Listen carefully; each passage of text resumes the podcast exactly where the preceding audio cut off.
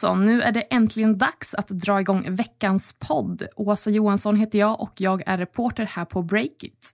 Vanligtvis brukar det vara min kollega Stefan Lundell som är programledare för den här podden som trots allt heter Lundells vecka.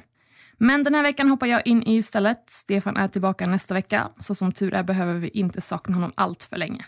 Och med mig idag har jag min kollega, den rutinerade Breakit-reportern Tobias Blixt. Hej Tobias! Hej Åsa! Hur känns det att vara med i podden? Det är kul att bli insläppt i poddstudion igen. Det var länge sedan. Ja, det var det värsta. Ja, men jättekul att uh, du är med idag. Det här ska bli superspännande. För du har ju så himla många bra inspel på LUT, vet jag. Uh, eller hur? En kanske, eller ja. två. Jag, jag, ska göra mitt bästa här i alla fall, absolut. Kanon. Eh, men eh, vi delar upp det här avsnittet i tre delar. Det är veckans möte, veckans snackisar och veckans köp och sälj. Hur låter det? Det låter jättebra. Kanon. Ja. Men eh, om vi kör igång med, med veckans möte då? Kör. Yes. Eh, jag har nyligen haft ett jätteintressant samtal med eh, Mats Sällström som är vd och medgrundare av eh, Everdrone. Everdrone, det är de här, de körde ut någon sån hjärtstartare med en drönare va? nyligen. Ja men exakt, mm. så det var faktiskt i december som deras drönare ryckte ut i en livräddande insats faktiskt i Trollhättan. Och det som hände var att det kom in ett larm om en man som hade fått ett hjärtstopp. Och tre minuter senare från att det här larmet kom in så hovrade det en drönare ovanför platsen där den här mannen befann sig. Och drönaren släppte ner en hjärtstartare. Och en av de här personerna som, som fanns på plats kunde hjälpa mannen och som därefter fördes till, till sjukhus. Och mannen överlevde. Det låter ju helt otroligt faktiskt. Hur, hur ofta händer sånt här egentligen? Alltså inte särskilt ofta eh, att det går så här bra i alla fall. Alltså, enligt utsago från, eh, från vdn då, eh, Sällström så är det här första gången i historien. Så det är ett breakthrough helt klart. Och det har fått stor uppmärksamhet både i svenska och internationella medier. Mm. Men vad, liksom, vad, vad hände? Liksom? Hur får man dit en drönare då? Det, det är ingen som sitter och vaktar liksom bara hela tiden eller?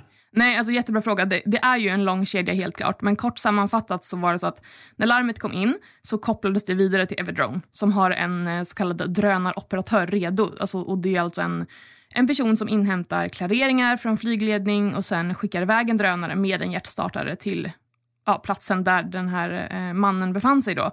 Och farkosten är autonom, det vill säga att den flyger av sig själv till patienten.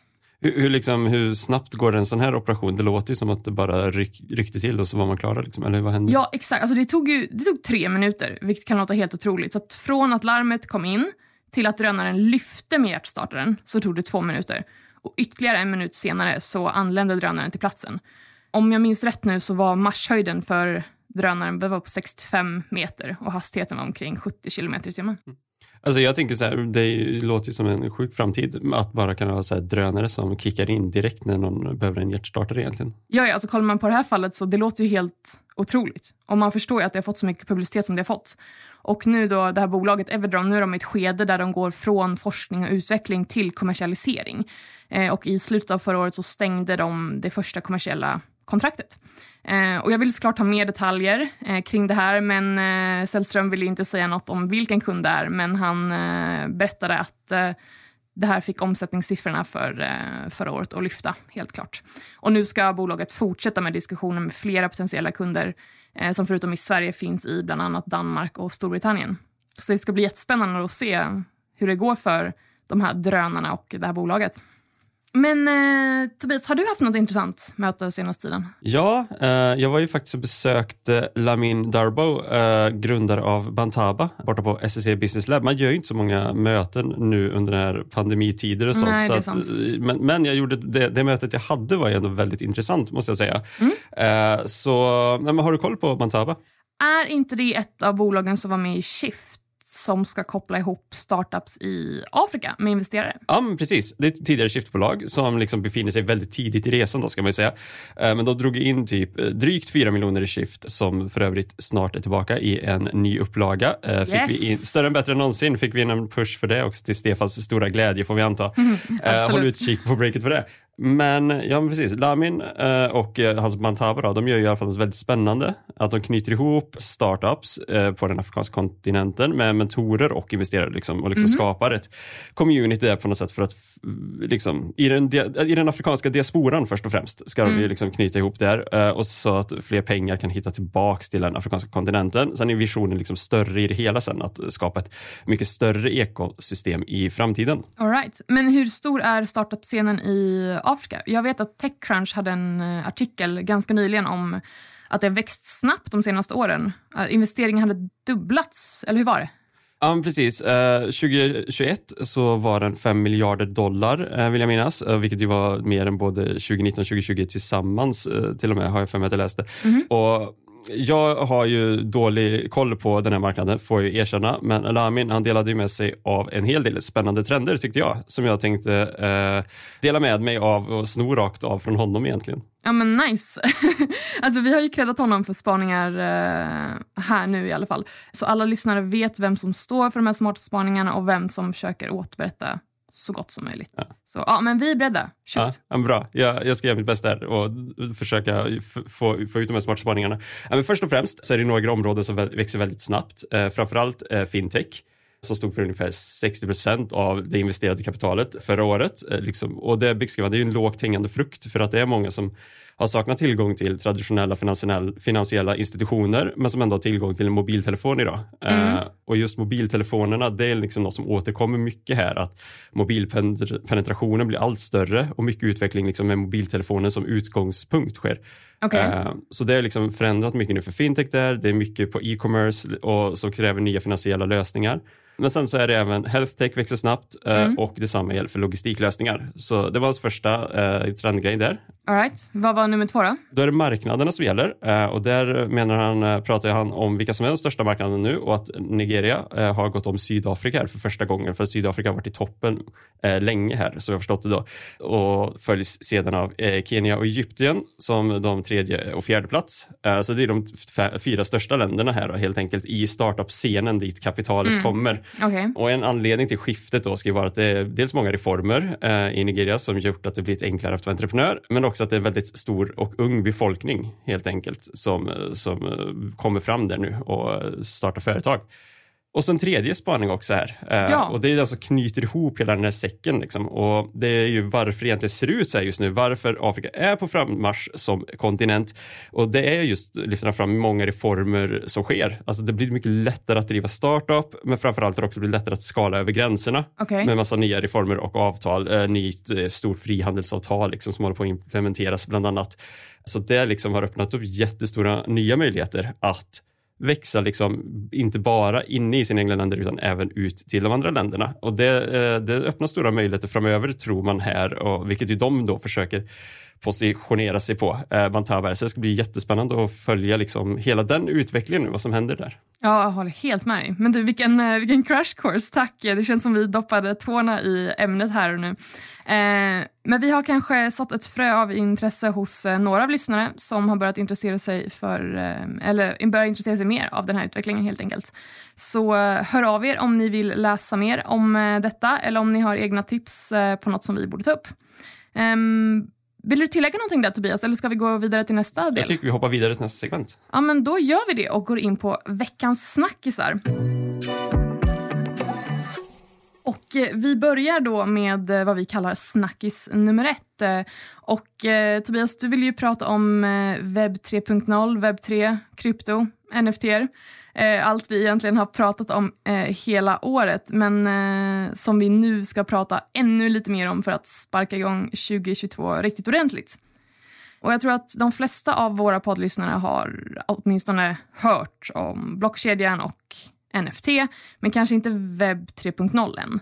Eller vad tror du Tobias, kan du dra liksom det här, den, den poddvänliga versionen av det? Ja men verkligen, det kan, jag ska försöka så gott jag kan här och göra det kort och enkelt. Eh, nej, men webb 3, eh, det är ju liksom, det pratar man om hur egentligen internet utvecklas och ska användas i framtiden. Och det korta versionen är att hur internet blir ännu mer användarvänligt egentligen genom att då använda sig av blockkedjetekniken, eh, vilket i alla fall är de, vad de som sysslar med blockkedjan hoppas på. Eh, min kollega Jon Wahlqvist har skrivit en väldigt bra artikel om vad det innebär också, som man kan läsa mer om. Men eh, kort kan man säga att internetanvändarna inte bara ska kunna liksom läsa och skapa saker digitalt nu utan man ska kunna även vara med och äga det på internet. Okay. Eh, helt enkelt decentralisera internet så att det inte bara är några få stora plattformar som äger allting. Så att det blir lite mer demokratiskt internet hoppas man på. Mm. Och NFT är ju en del i det här eftersom att digitala objekt kopplas till blockkedjan och då i, eh, går det att kontrollera och spåra ägandet. Eh, och Det kan exempelvis göra det möjligt för personer som spelar spel att både vara med och och eh, skapa saker i spelen men också att sälja dem vidare till andra spelare. Men Tobias, hur, hur ligger det till? Kommer internet att förändras helt nu? Kan man liksom, säga så? Liksom? Det är ju väldigt många som tror verkligen att det nya internet är på väg nu, så tror och hoppas på det. Vi frågar ju också några eh, breakit, entreprenörer i breakit-sfären om vad de trodde liksom, skulle gälla för det nya året här nu liksom, inför årsskiftet och då lyfte både Changer Subs medgrundare Sidor och eh, Blisser-grundaren Sara Fernström eh, fram den här utvecklingen på framförallt eh, webb.3 och, eh, och NFT-området som stora utvecklingar som man skulle hålla koll på i år. Mm. Och det är väldigt många som gör de här satsningarna just nu. Liksom. Ett av de senaste exemplen bara är ju Samsung som ska ha liksom, NFT-butiker i alla sina tv-modeller som kommer i år. Så att stora jättar och företag har ju satsat på att etablera sig inom det här området och försöka hitta användningsområden. Mm, men vad, vad tror du? Är du såld på det här?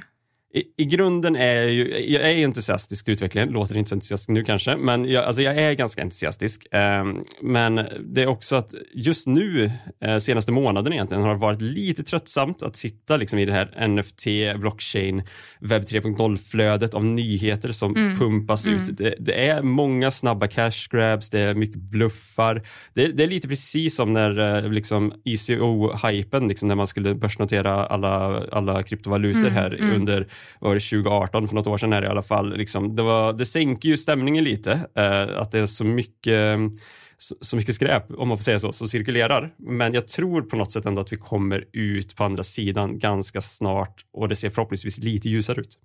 Tack Tobias, eh, snyggt. Finns det någonting mer vi vill säga om det? Nej, jag tror vi är nöjda. Nej, ja, men då så. Vidare till snackis nummer två då som handlar om last mile-bolaget Instabox. Eh, bolaget som du vet har de här eh, röda paket eller postboxarna kanske man säger, eh, som man, man, ser lite överallt. Liksom.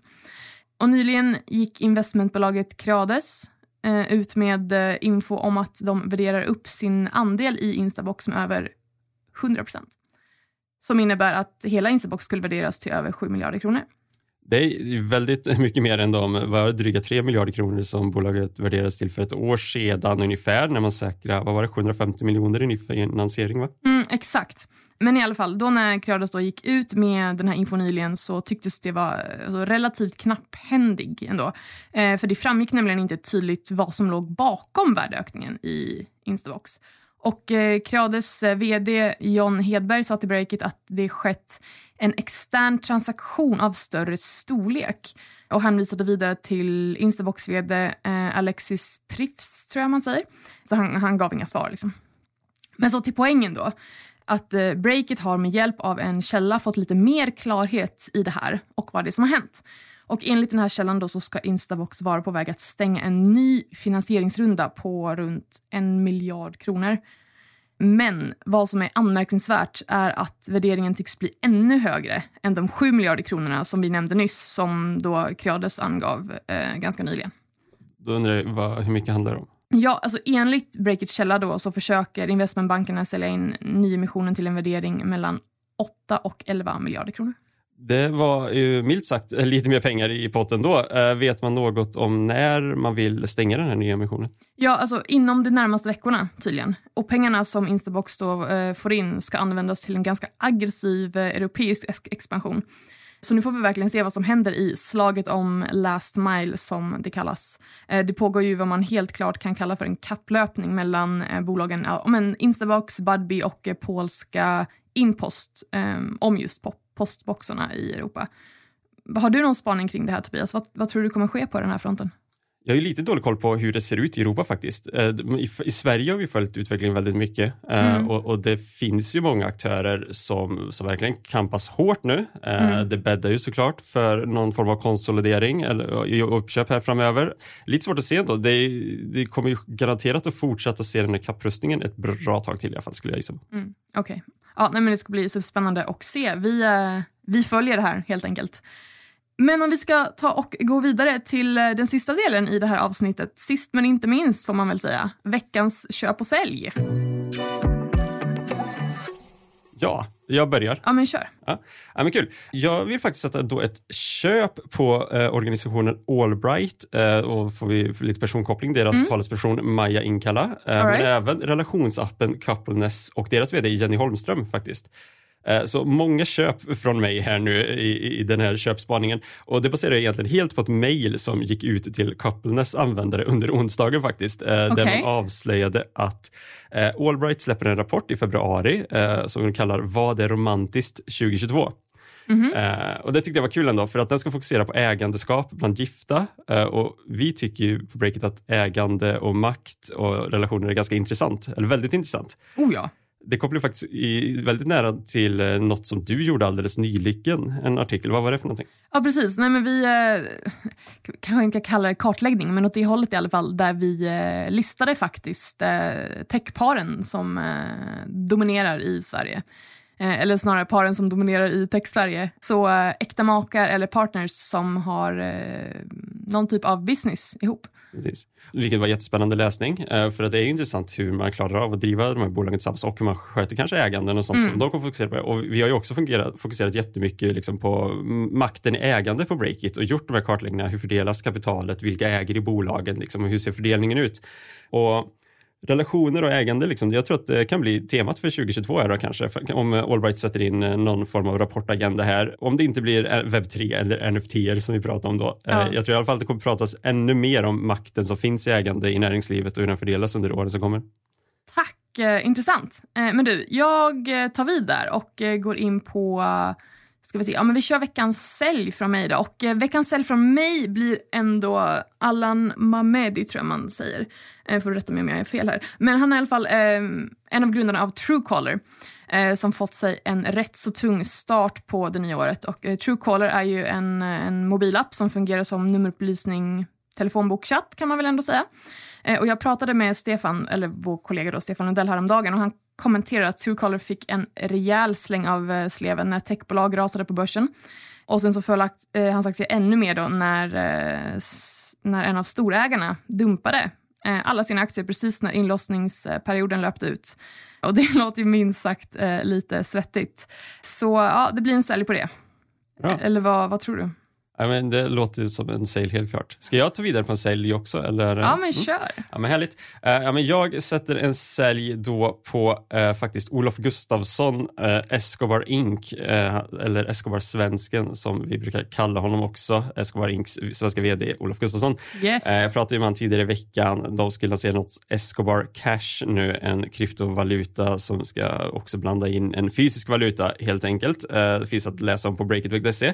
Men vi har ju pratat lite om liksom eh, just nu hur mycket skräp och hur mycket saker som kommer inom det här webb 3 och blockchain-området just nu som, som inte är så kul helt enkelt. Och jag kan väl säga så här att eh, jag, jag, jag sätter ett kraftigt sälj här. Uh, om det är liksom någonting som inte kommer leda vägen framåt på blockchain-området eller på VT-området, mm. då tror jag inte att det är Escobars kryptovaluta helt enkelt. Uh, och förtroendet borde också vara, saknas lite här kanske för det företaget givet deras historik, både i kryptovalutor, ja. uh, de har försökt lansera tidigare och det har inte gått bra, och då, mobiltelefonerna som de försökt sälja Escobar Fold bland annat, som mm. fick, ja, ledde till till att de hamnat i en rättstvist med Klarna som frös deras pengar bland annat. Allt vi skrivit väldigt mycket om. Uh, mm. jag sätter, men jag sätter kraftig sälj på Escobar Cash helt enkelt. Ja, rätt förståeligt ändå. Jag skulle stötta den säljen.